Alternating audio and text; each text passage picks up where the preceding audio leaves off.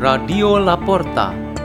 The door is open for you for the growing of knowledge and wisdom of God. Delivered by Theodore Joseph Witanto and Hadi Witanto from St. John Bosco Church in Archdiocese of Jakarta, Indonesia.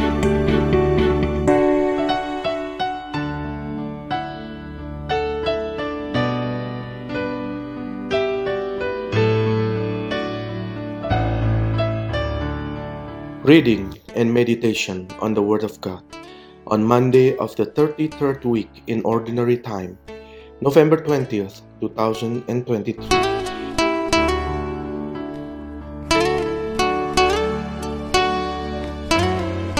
A reading from the Holy Gospel according to Luke chapter 18, verses 35 to 43. As Jesus approached Jericho, a blind man was sitting by the roadside begging. And hearing a crowd going by, he inquired what was happening. They told him, Jesus of Nazareth is passing by. He shouted, Jesus, son of David, have pity on me. The people walking in front rebuked him, telling him to be silent, but he kept calling out all the more, Son of David, have pity on me. Then Jesus stopped and ordered that he be brought him. And when he came near, Jesus asked him, What do you want me to do for you? He replied, Lord, please let me see. Jesus told him, Have sight, your faith has saved you.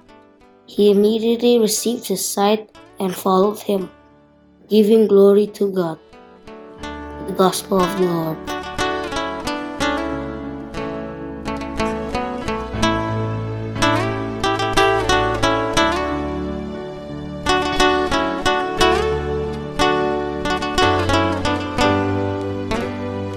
Our meditation today has the theme This is our prayer. Oh my God, may I see. The expression of this sentence is not just an invitation, but also the recognition that our ability to see with spiritual eyes is often inadequate. Often, spiritual eyes or our eyes of faith blur and even blind then we need to empower our eyes of faith that we may be able to see. With the eyes of faith, we can see beyond the physical reality that exists. A number of Israelites went to the king Antiochus Epiphanes, and they were given the right by the king to obey the customs and tradition of other foreign nations.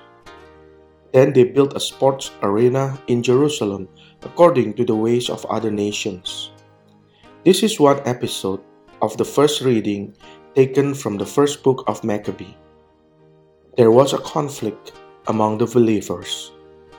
Those who consistently followed the way of God saw God very clearly. On the other hand, those who moved away and believed in idols, their eyes were blocked to see God. The similar situation is also described in the Gospel. A number of people with motivation of the spirit of the world wanting to prevent the meeting of Jesus with the blind person who was hoping to get healing and to be able to see. Meanwhile, the blind person had faith, so he saw and called the Lord. Our lives are also divided between clear eyes and blurred eyes, or even blind eyes. Those who are consistent and faithful can be considered to have a vision of faith that is clear, bright, and visible.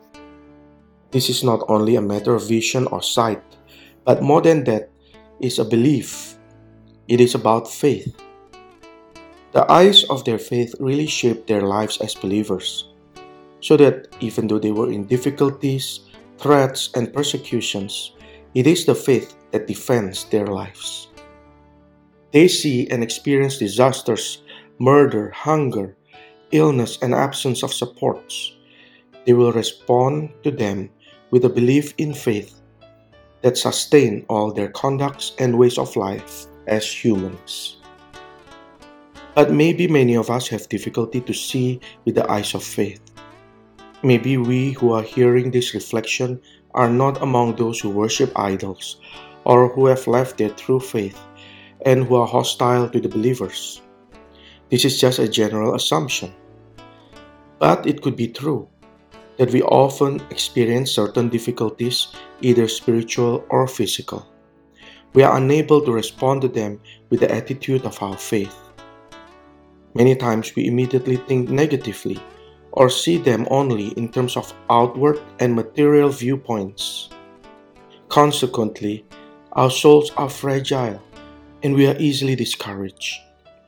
If our souls are strong, our faith is firm, the vision of our faith is clear, we will still rely on God in the whole ways of our lives. Then our prayers should be in this way Oh my God, may I see you clearly. Let us pray. In the name of the Father, and of the Son, and of the Holy Spirit. Amen. O Father of all wisdom, make us able to see with the eyes of faith on the reality of our lives, especially in the difficulties and suffering in this life. Hail Mary, full of grace, the Lord is with thee.